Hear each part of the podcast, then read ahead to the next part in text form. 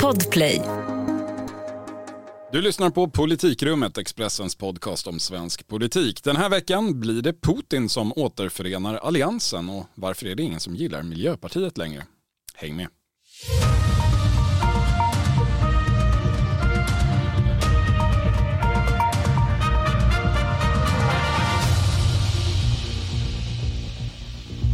Ja, det är tisdag den 18 januari och det är dags för årets andra sammanträde i politikrummet. På plats med mig idag Helena Gissén. Hejsan, hejsan. Filippa Rogvall. Hej. Och jag heter Viktor Bartkron.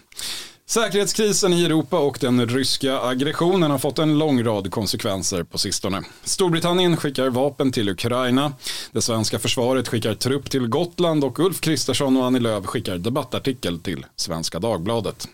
Jo, det är sant. Moderaterna och Centerpartiet som har ägnat de senaste tre åren åt att älta sin skilsmässa i offentligheten har faktiskt skrivit ihop sig här och gjort ett gemensamt, ganska tydligt utspel. Filippa, vad är det de eh, vill ha sagt här? Ja, men kärnan i debattartikeln är väl att de är missnöjda med hur regeringen har agerat med tanke på det här allvarliga säkerpolitiska läget. Um, I förra veckan så höll man ett partiledarmöte. Det blev väldigt försenat och sen visade det sig vara en eh, kort informationsträff där huvudnumret i efterhand var Per Bolunds eh, hostattack. Just det, det här eh, mötet sammanföljer då med någon slags massspridning i partiledarkretsen. Vi, vi ska inte uppehålla oss vid det idag men det, det är så vi minns det. händelse. Ja. Ja, men nu skriver då Löv och Kristersson att Magdalena Andersson behöver bjuda in till nya partiledarmöten, överläggningar, söka brett samarbete i de här frågorna och eh, de liksom ställer krav på att man ska stärka totalförsvaret, kalla in försvarsberedningen, analysera hur illa rustade vi är om ryssen kommer. Och då väcker man ju, det, här väcker ju naturligtvis frågan eh, långt bredare än de försvarspolitiskt intresserade kretsarna. Moderaterna och Centerpartiet, Helena. Det var ju inte hans geopolitiska mål, men blir en av effekterna av Vladimir Putins vapenskrammel att Moderaterna, Centerpartiet och därmed Alliansen hittar tillbaka till varandra eller är det en grotesk övertolkning av vad som just har hänt? Det skulle väl just vara snyggt det, men eh, jag tror att det är eh, tills vidare en övertolkning. Men jag kan verkligen säga att jag blev ordentligt paff igår när jag såg den här debattartikeln, de la ut den på nätet då, som bara dessa två personer har skrivit under. Det såg inte jag komma i alla fall. Nej, det har varit eh, mer debattartiklar och utspel mot varandra den, den senaste tiden. Ja, hela oppositionen delar ju dessutom de här åsikterna som förs fram i den här här eh, artikeln då att eh, försvarsberedningen ska kallas in, behovet av riktiga överläggningar, inte bara de här kvartssamtalen då. Men eh, ändå så valde Kristersson och Löv att skriva under bara de två. De vuxna och, i rummet. Ja, eller hur. Och det är klart att det, man ska nog inte övertolka det i och för sig. Men de inskärper ju här då vikten av det de skriver om. Att man verkligen behöver samlas över blockgränser, över partigränser. Och det är ju en, en signal kan man väl säga om att den lilla S-regeringen faktiskt inte kan agera som om den hade egen majoritet. Nej, vi pratade ju om det i avsnittet förra veckan för den som var med oss redan då. Om, om ja, vi hade en spaning om en viss eh, ja, signaler på arrogans från den lilla minoritetsregeringen. Vi pratade om ministertillsättningar som var kontroversiella, krishanteringspersoner som i princip var en provokation mot oppositionen. Vi pratade ju också om detta. Hur man dels dröjde flera veckor med att överhuvudtaget reagera på det ryska vapenskramlet och när det väl kom så bestod i att man gick ut och berättade vad som var Socialdemokraternas politik. Och eh, den där arrogansen, det här kanske är ett första tecken på att den inte är helt oproblematisk för regeringen själv. Nu har den fått till följd att Annie Lööf plötsligt eh, skriver ihop sig med Ulf Kristersson. Till ja, alltså man kan ju verkligen utgå ifrån att det här skapar ganska stor stress tror jag och nervositet i S-lägret. För att deras regeringsunderlag det är redan svajigt. Det är partier som är eh, extremt arga på varandra och eh, att Centerpartiet då först släpper fram en högerbudget förhandlad med Sverigedemokraterna och sen skriver debattartiklar med moderatledaren. Jag tror inte att det här är kul för Magdalena Andersson. En som tyckte att det var kul var i alla fall Centerpartiets ungdomsförbunds ordförande Reka Tolnaj. Hon skrev exakt så här på Twitter. This collab is like the best thing that has ever happened to me. Vi diskuterade om det här var ett filmcitat eller något, men jag, jag hittade ingenting. Men det, är- det är mycket möjligt att vi framstår som ett gäng boomers här som inte fattar Men referensen. hon hejar på eh, Moderaternas och Centerpartiets. Definitivt, det, det är tydligt positivt och det har ju även varit eh, SUFs linje tidigare att eh, man borde eh, ha mer med Moderaterna att göra, mindre med Socialdemokraterna. Låt Kristersson sondera lite till. Ja, precis, men sen är väl det där kruxet är ju fortfarande att han ska helst sondera fram någonting som inte är beroende av SD, vilket ju inte är särskilt praktiskt möjligt. Så tills vidare då, Helena, kan vi landa i att eh, det är en övertolkning, men. Ja, nej men alltså Centerpartiet tappar i väljarstöd. De har väl behov nu av att eh, göra sig intressanta och relevanta då inför valet. Och, eh, de har ju den här mittenfilosofin som eh, Annie Lööf fortsätter att stå för ändå. Va? Så att möjligtvis så är det väl så här de vill lägga upp det nu under valåret och att stödja en S, en M när det passar dem och jag hoppas att det här ska slå an hos väljarna, att de ska vara någon slags mitten. eh, Och man kan ju då i det sammanhanget konstatera att det kanske egentligen är Moderaterna som har varit mer benägna att hålla Centerpartiet på avstånd tidigare än tvärtom eftersom man vill till varje pris undvika att framstå som ett stödparti till, till januariavtalet eller Socialdemokraterna. Här gör uppenbarligen Ulf Kristersson bedömningen att det var en bra idé att gå ut med. Jag har sett betydligt fler arga röster från höger än från eh, den bredgröna mitten om vi säger så kring det här utspelet. Men Moderaterna har väl också anledning att värdera vägar framåt och att eh, helt stänga dörren till ett parti som man delar åtta av tio åsikter med verkar ju kanske lite dumt i det nuvarande parlamentariska Men kan det vara att han har tagit fasta på den här äh, kritiken liksom, som har varit mot honom den senaste tiden? Kanske. Alltså att man är för låst i, sitt, i sin högerbur. Då. Ja, och att man inte tar hänsyn till en del av potentiella moderatväljare. Men sen också själva sakfrågan. Det är klart att det är finfint för Moderaterna att visa upp en jättebred majoritet i de här frågorna. Jag tror faktiskt att det, det ska man inte glömma bort i sammanhanget. Ja, vi har en säkerhetskris i Europa, vi har en pandemi och så har vi situationen i Miljöpartiet. Den är inte heller särskilt munter nämligen. Det politiska inflytandet har ju minskat dramatiskt efter att man lämnade regeringen och vi har eh, redan tidigare i den här podden konstaterat att även opinionssiffrorna har minskat, om än inte lika dramatiskt som det politiska inflytandet så åtminstone markant. Kanske lite oväntat för vissa som trodde att eh, så snart man gick ut i den fria och vilda oppositionen så skulle väljarna stå där och vänta. Det har de inte gjort. Men allt är inte nattsvart, det är faktiskt kolsvart också. Filippa, du har idag skrivit i Expressen om Miljöpartiets läge med lite djupare siffror. Att läget faktiskt är ännu värre än vad det kanske har framstått hittills.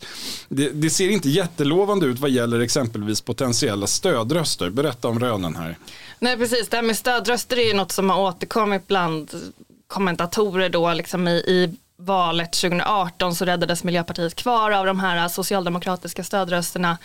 Men det kan eh, bli mycket svårare i år. Dels så har man ju då lämnat regeringen men det finns liksom siffror om man fördjupar sig lite vilket jag har gjort eh, med hjälp av våra vänner på Infostat som är ett dataföretag och har en massa mätningar. Där kan man titta bland annat på um, näst bästa parti, alltså andrahandsval och då i vänsterblocket som Miljöpartiet själva identifierat som den sida där man kan attrahera nya väljare. Socialdemokraterna, Centerpartiet. Centerpartiet räknas in här också. Ja. Och där ser man då hur eh, Miljöpartiet minskar bland alla i, i alla de här grupperna. Och eh, Centerpartiet har ökat i popularitet hos socialdemokrater, vice versa. Men alltså, framförallt vänsterpartister har vänt Miljöpartiet ryggen. Till förmån för Socialdemokraterna då. Ja, och det finns ett alternativ som heter eh, ingenting alls, typ. vet ej. Soffliggare, andrahands soffliggare alltså. Mm. Det där är ju inte så eh, toppen och klimatfrågan håller på att glida iväg på två olika sätt dessutom. Precis, tittar man ännu mer liksom i siffrorna bakom siffrorna så finns det ju en fråga som handlar om sakägarskap eh, och i klimatfrågan. Och alltså vilket mm, parti som anses vara bäst på det området. Om vi Precis, och då har enkelt. man tittat på andelen vänsterväljare som är intresserade av klimatfrågan och som tycker att Miljöpartiet har den bästa politiken och där har man bara sedan oktober sjunkit från 50 till 35 procent. Det är ganska dramatiska siffror faktiskt. Och under samma tidsperiod då så har intresset för klimatfrågan också minskat rejält. I november så var det klimatmöte i Glasgow, då låg frågan högt på agendan. Sen dess har andelen vänsterväljare som uppgett klimat i deras absolut viktigaste fråga gått från 27 till 15 procent och ersatts av eh, sjukvården som seglat upp i topp för den här väljargruppen. Alltså det är intressant att klimatengagemanget är så otroligt flyktigt måste jag säga. Samtidigt, samtidigt som vårdengagemang, det skulle ju kunna sägas vara vårdengagemanget som är flyktigt när det kommer en våg, en ja, pandemivåg. Klimatfrågan är ändå påtagligt stark bland väljare till det, Absolut. Till det blocket. Men, men det hjälper ju inte om man inte anses äga den frågan kanske i den utsträckningen. Precis, Nej, men just eftersom man är ett enfrågeparti i så hög utsträckning så är det väldigt viktigt att frågan ligger högt på agendan och att man är bäst på den frågan. Och där, där skulle det också kunna se bättre ut och det finns lite, jag studsade på det när jag läste din artikel, det finns lite spektakulära siffror om förtroendet för diverse partiledare också, vi kan ju bara ta den detaljen. Ja det är en lite lustig detalj. Och det är väl ingen hemlighet att språkrören har haft det tufft i förtroendemätningar. Men Tittar man då enbart på socialdemokratiska väljare, vilket jag har gjort, så ser man att Annie Lööf numera är dubbelt så populär som Per Bolund och Märta Stenevi. Och tittar man bara i gruppen socialdemokratiska män så är faktiskt Jimmy Åkesson mer populär än språkrören med någon procentenhet. Oj, oj, oj, Efter sju års gemensamt regerande så är det facit då. Det, det, det, var väl inte, men de slog, eh, någon av dem slog i alla fall Ulf Kristersson tror jag. Det var ju alltid något. Det är alltid något, ja. absolut. Helena, spontan reaktion när du läste tidningen i morse? Eller? Äh, stackars dem, det är sorgligt alltså. Det är ett litet parti, deras språkrör har ju haft sådana här enormt dåliga förtroendesiffror jättelänge. Och ibland kan jag tycka att det är lite märkligt. Den senast lysande stjärnan i sammanhanget var väl Maria Wetterstrand och hon slutade ju för mer än tio år sedan. Alltså Gustaf Fridolin hade ändå ganska ja, bra siffror i början. I början det stämmer, men sen dök de också. På honom. Innan ja. han blev utbildningsminister typ? Eller? Ja, ja ungefär. Eh, lite så. Och så, det var väl en smäll och sen Eh, var det väl eh, en hel del som hände därefter. Det finns ju någon form av brytpunkt i Miljöpartiets opinionsutveckling där under slutet av 2015, början 2016. Eh, särskilt vad gäller förtroendet för Gustaf Fridolin, kopplingen till Mehmet Kaplan och Yasri Khan-affären där. För det är ju intressant att reda lite i varför det ser ut så här egentligen. Hur kommer det sig att detta parti som för 10-15 år sedan såg som framtidspartiet. Eh, det skulle bara öka och öka och eh, Socialdemokraterna klängde sig fast vid Miljöpartiet för att man såg att här finns möjlighet att vinna framtiden för vi själva Urbana, är ju dömda till moderna. Mm. successiv liksom nedgång medan de kommer bara öka. Så ser det ut i många andra länder, så ser det inte ut här. Helena, vad tänker du? Nej, jag tänker att eh, det är väl lite för Miljöpartiets del i alla fall att svära i kyrkan. Men det är inte tillräckligt många som tror att eh, planetens överlevnad är hotad på det sättet som Miljöpartiet vill göra gällande tror jag. Va? Och sen så dras de nog med minnet av det här som du nämnde. Eh, skandalen med eh, och anklagelserna om att de flörtar med islamister då. Mehmet Kaplan anklagades bland annat av Nalin Pekgul vet jag för att ha varit islamist och de skulle välja in i partistyrelsen en person som vägrade ta kvinnor i hand av religiösa skäl. Det blev ett enormt ståhej kring det där ju. Och eh, sen har de en, en inställning i migrations, migrationsfrågan som som många människor inte delar. Så jag tror att det är flera faktorer faktiskt här. Ja, alltså jag brukar fundera om man verkligen ska göra det så, så komplicerat miljö, alltså grundproblemet tror jag någonstans för Miljöpartiet vad gäller opinionen är att man företräder eh, en politik som inte går ihop med eh, växande välstånd i en generell välfärdsstat. Eh, vilket de allra, allra, allra flesta väljare i båda blocken vill ha. Och det, liksom, det går att härleda till både migrationspolitiken där man är helt, man är väldigt, fortfarande väldigt nitiska. Har du också valt att bli egen? Då är det viktigt att skaffa en bra företagsförsäkring. Hos oss är alla småföretag stora och inga frågor för små. Swedeas företagsförsäkring är anpassad för mindre företag och täcker även sånt som din hemförsäkring inte täcker. Gå in på swedea.se företag och jämför själv. Just nu pågår vår stora season sale med fantastiska priser på möbler och inredning. Passa på att fynda till hemmets alla rum, inne som ute, senast den 6 maj. Gör dig redo för sommar. Välkommen till Mio. man ska ha öppna gränser och konsekvensen av det är man inte lika intresserad av att hantera på det ena eller det andra sättet. Det gäller ju även liksom, energifrågan, frågan om tillväxt som är något som har gnagt i Miljöpartiet hela tiden. Det är ett parti som bildades som en reaktion på moderniteten för 40 år sedan. Alltså, det, det, det, det, finns någonting där som hela tiden skaver mot vad de breda väljargrupperna vill ha. Sen kan man då som miljöpartist mena på att de breda väljargrupperna har fel och därför argumentera för att de borde ändra sig. Men det kommer fortfarande vara ett opinionsproblem på kort sikt, vilket vi väl ser här. Men det är min teori.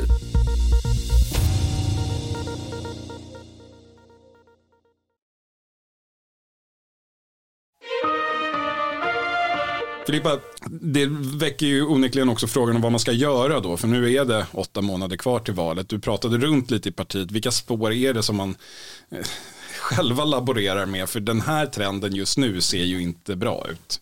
Mm. Nej, men det är intressant eftersom det är vänsterväljare som vänder om ryggen nu och det har ju länge varit en debatt i Miljöpartiet om höger och vänster och där man ganska tydligt har valt att ta ett kliv till vänster. Och Eh, dessutom då den här debatten om att bredda partiet, vinna förtroende i fler frågor som går lite hand i hand. Där man nu riktar in sig på välfärdsfrågor. Och um, det finns ju en liten intern opposition mot detta som en, en möjlig lösning. Där, mm. där de här mätningarna nu kanske liksom är ett tecken på att, jag vet inte hur vänsterväljare premierar den här inriktningen. Eh, och den mest kända kritikern är kanske Stockholms trafikborgarråd eh, och riksdagskandidaten numera Daniel Heldén. Som tycker att man har gått för långt åt vänster helt enkelt och borde bli mer som, som det var förr. Vara öppen åt båda ja, hållen. Precis, jag vet inte hur, hur stor potential man har att flirta med borgerliga väljare. Men den här liksom positionen som man hade som ni nämnde för tio år sedan och ännu längre tillbaka var mer åtråvärd. Ja det fanns ju en sån eh, vilja att attrahera urbana väljare och det finns ju rätt många som skulle kunna vara potentiellt tror jag intresserade om man inte hade den här väldigt eh, mm. tydliga vänsterprofilen. Men är, inte, men är inte problemet att den rollen är upptagen av eh, ett annat parti som profilerar sig som grönt och, och har tagit en tydligare plats i eh, och som är, Ja, jag tänker då på Centerpartiet som ju har blivit vad det gröna partiet är i många andra länder. Eh, har ungefär den väljardemografin och eh, liksom den, den funktionen. I, men det är också värt att notera då att inte ens de klarar ju riktigt att hålla den rollen eftersom det, polariteten i den svenska blockpolitiken mm. sliter dem mot vänster. Deras väljare blir mer och mer inlåsta i det, i det lägret. Och till och med för Centerpartiet är det svårt trots att de då ligger långt före Miljöpartiet just nu i den, i den rollen. Ja, men det ska bli intressant att se om det blir en ny debatt om det här. Enligt mina uppgifter så finns det en utmanare i ungdomsförbundet Grön ungdom som ska välja språkrör i februari. En kille som heter Erik Wahlström från Uppsala. Eh, och han är ju på Daniel Heldén-linjen här och det skulle ju verkligen skaka om uh, det här vänsterorienterade ungdomsförbundet om han lyckas få stöd. Det ja. återstår att se uh, vad det får för reaktioner då. Men, ja. och om han kan bli språkrör. Det vore ju en skräll, för om någonting så är det ju snarare så att rörelsen tydligt har gått i den andra riktningen över tid. Helena var inne på det, var för tio år sedan så, så trodde ju de flesta att Miljöpartiet skulle bli det femte allianspartiet. Sen förlorade Mikaela Waltersson språkrörsmatchen mot Åsa Romson som då var partivänsterns kandidat. Gustav Fridolin kom ut, han hade kanske alltid betraktats som sosse men så blev han mer och mer vänsterpartist. Och sen så har det här pågått och nu på senaste kongressen i höstas så tog man Valet av Märta Stenevi. Ja, Märta Stenevi också. Det fanns ju andra kandidater som ansågs mer mittenorienterade då. Det verkar ju helt enkelt som att partiet om inte annat vill gå på vänsterspåret. Men, eh, men samtidigt så är det ju intressant att blicka ut lite grann. Finland till exempel eh, har ju nu börjat prata om att de är kanske för ett, eller, eller i alla fall vill diskutera ett NATO-medlemskap. Flera tongivande företrädare säger att eh, de förespråkar NATO-medlemskap. Till exempel Maria Wetterstrands före detta man som ju är finländsk miljöpartist på hög nivå. Så då kan vi konstatera att Miljöpartiets systerparti Finland är alltså för NATO och kärnkraft. Ja, är de ju också nu för tiden. Det är intressant och det är de inte är riktigt större. vad det svenska miljöpartiet eh, profilerar Där har de ju potential att eh, liksom, vara en motsats då till Centerpartiet eh, i kärnkraftsfrågan. Det hade onekligen varit en oväntad dynamik om det hade blivit så. Men vad gäller NATO-frågan så är det ju faktiskt så att eh, deras tidigare försvarspolitiska talesperson, riksdagsledamot Anders Schröder, Svenska miljöpartiet alltså. ja, svenska miljöpartiet, eh, nu faktiskt har skrivit och tagit ställning för NATO-medlemskap.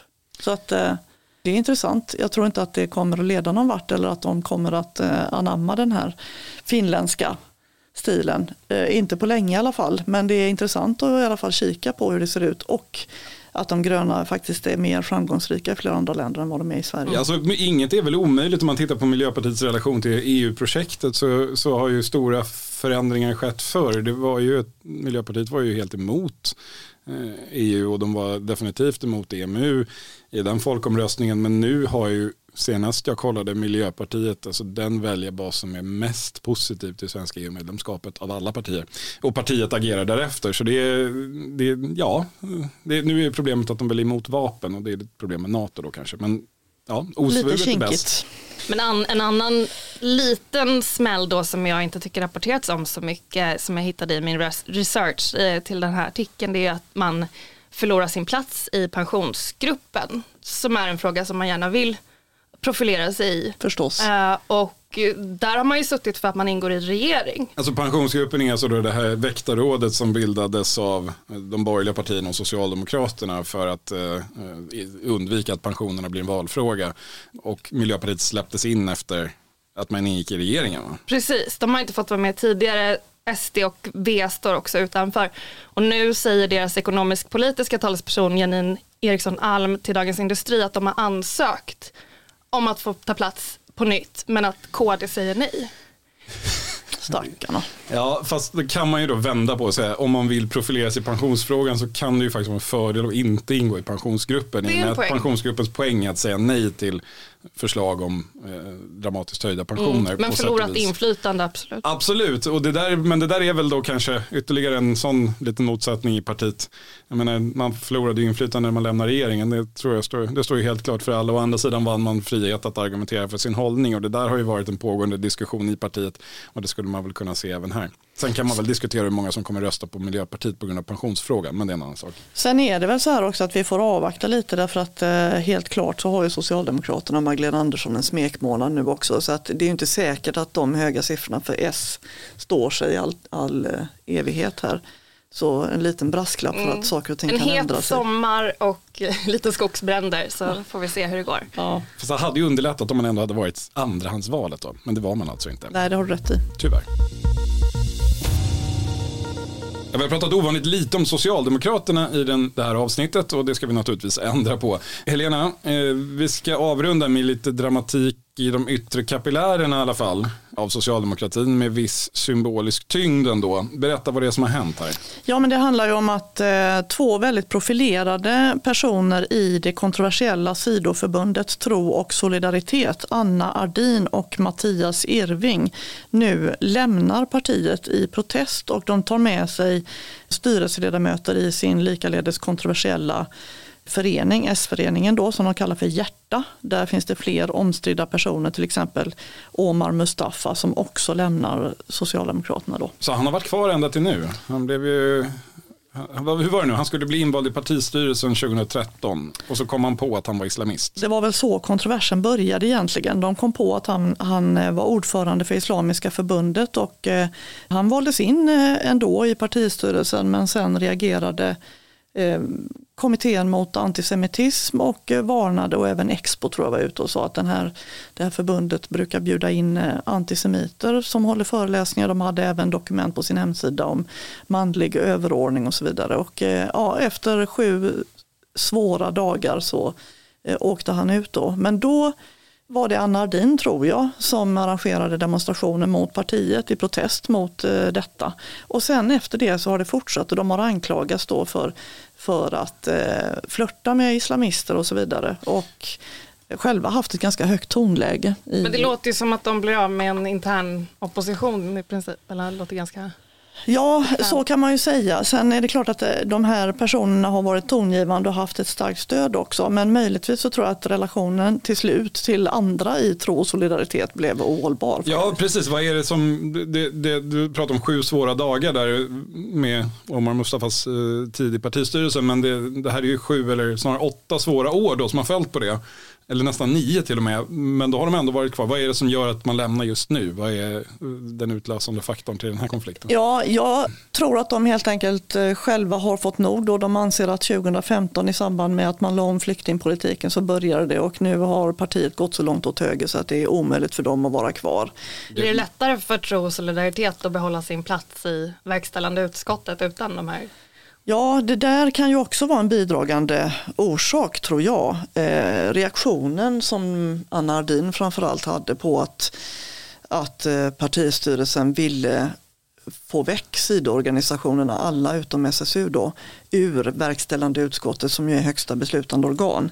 Då gick man ju i taket. Eh, kvinnoförbundet gick i taket och det var väl det som avgjorde frågan till slut att de faktiskt fick vara kvar. Annika Strandhälls inflytande. Ja, men även då eh, tro och solidaritet blev ju fullkomligt rosenrasande och då skrev Anna Dien en, en väldigt arg anklagelseakt om, där hon i princip dödförklarade Socialdemokraterna. Eh, sen fick de som sagt vara kvar i alla fall då för kongressen gick inte med på det här som partistyrelsen ville. Men det är klart att det där sådde split förstås. Det är ju ändå ganska ovanligt att sånt här händer. Socialdemokraterna är ju och vill vara en bred kyrka eller moské eller synagoga eller vad du vill i svensk politik. Eh, men här gick det uppenbarligen inte längre. Då kan man ju börja fundera lite också mot bakgrund av det vi pratade om tidigare med, eh, med Kaplan-historien och Yasser Khan-affären och så. Om man nu tycker som eh, Mattias Irving och Anna Ardin. Vilket parti i svensk politik ska man söka sig till då om nu Socialdemokraterna har spårat ur?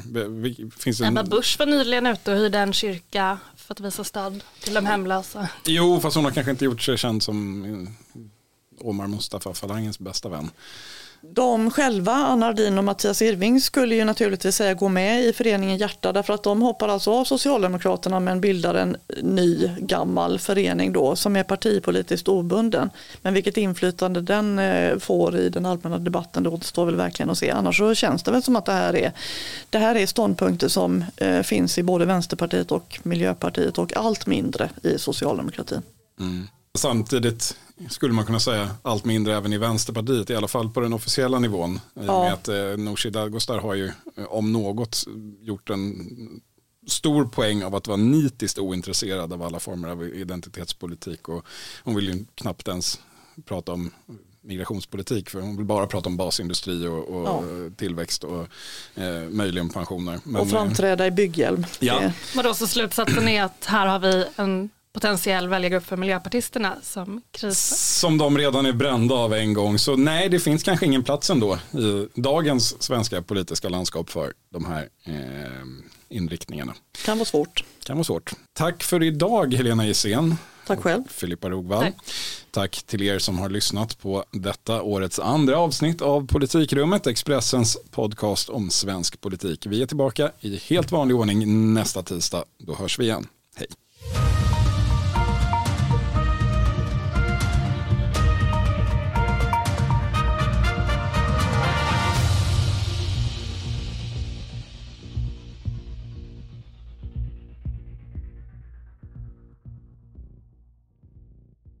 Du har lyssnat på en podcast från Expressen.